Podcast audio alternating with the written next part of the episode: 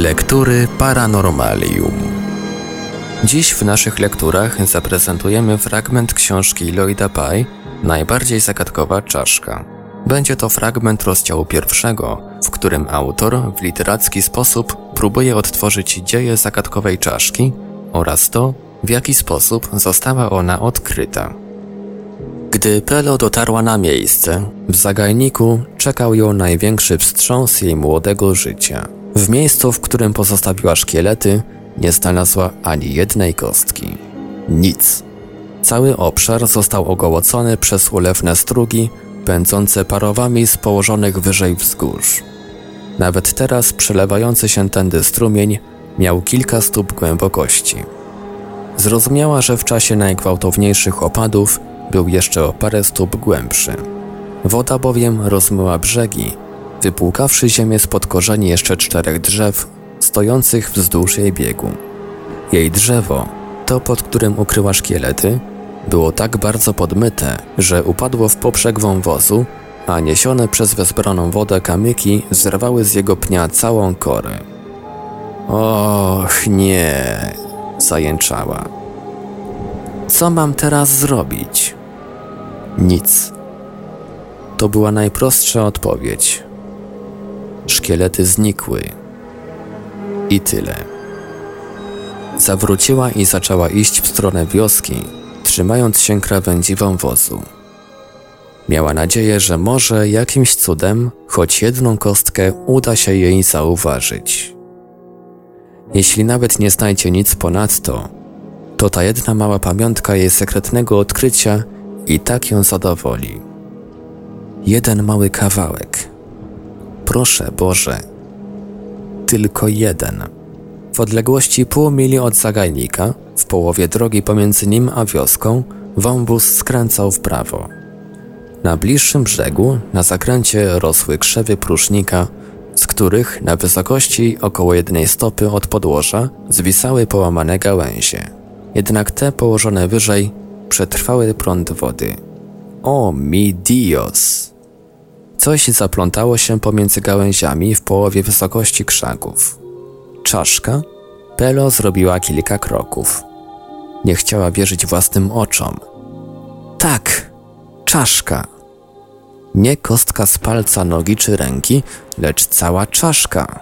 Miała ochotę krzyczeć z radości, lecz nie mogła ryzykować.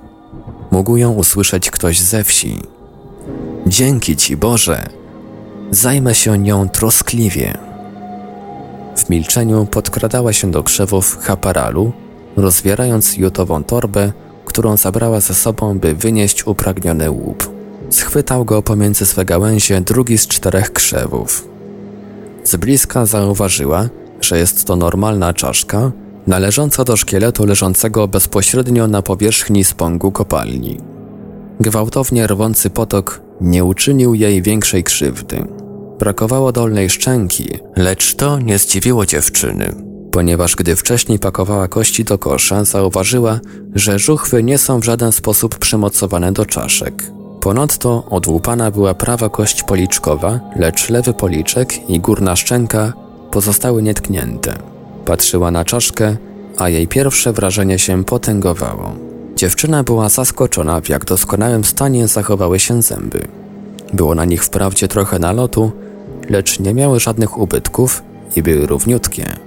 Choć te z tyłu starły się całkiem na płasko, niczym zęby konia. Pelo już miała pięć plomb, a ponieważ uwielbiała słodycze, była pewna, że będzie ich miała o wiele więcej.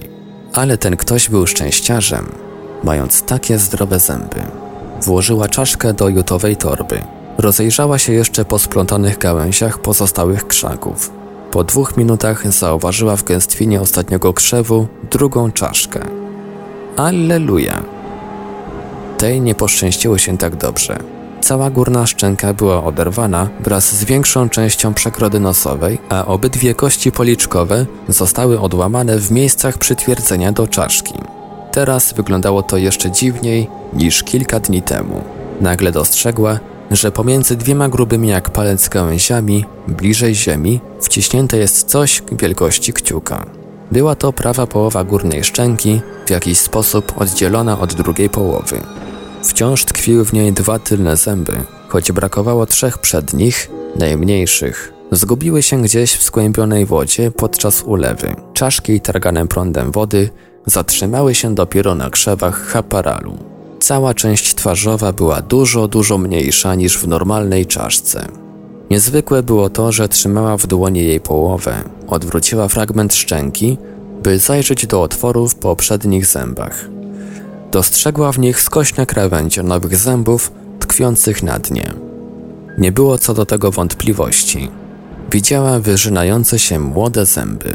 To było dziecko. Wiedziałam. Pelo włożyła drugą czaszkę i fragment jej górnej szczęki do torby, owinąwszy każdą z czaszek tak, by się ze sobą nie stykały. Obijające się o siebie kości wydawały charakterystyczny dźwięk, którego nikt nie może usłyszeć, gdy Pelo powróci i zacznie przepakowywać z torby do marynarskiego wora. Z dwoma szkieletami mogła nie dać sobie rady, ale z dwiema czaszkami znajdę sposób, żeby sobie z tym poradzić.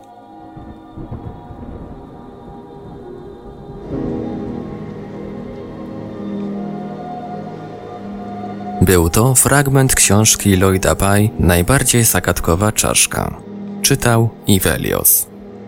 Książkę na polski rynek wydało wydawnictwo Cień Kształtu. Książka dostępna jest do kupienia na stronie wydawnictwa Cień Kształtu www.cieńkształtu.pl oraz w księgarni internetowej Nieznanego Świata www.nieznany.pl.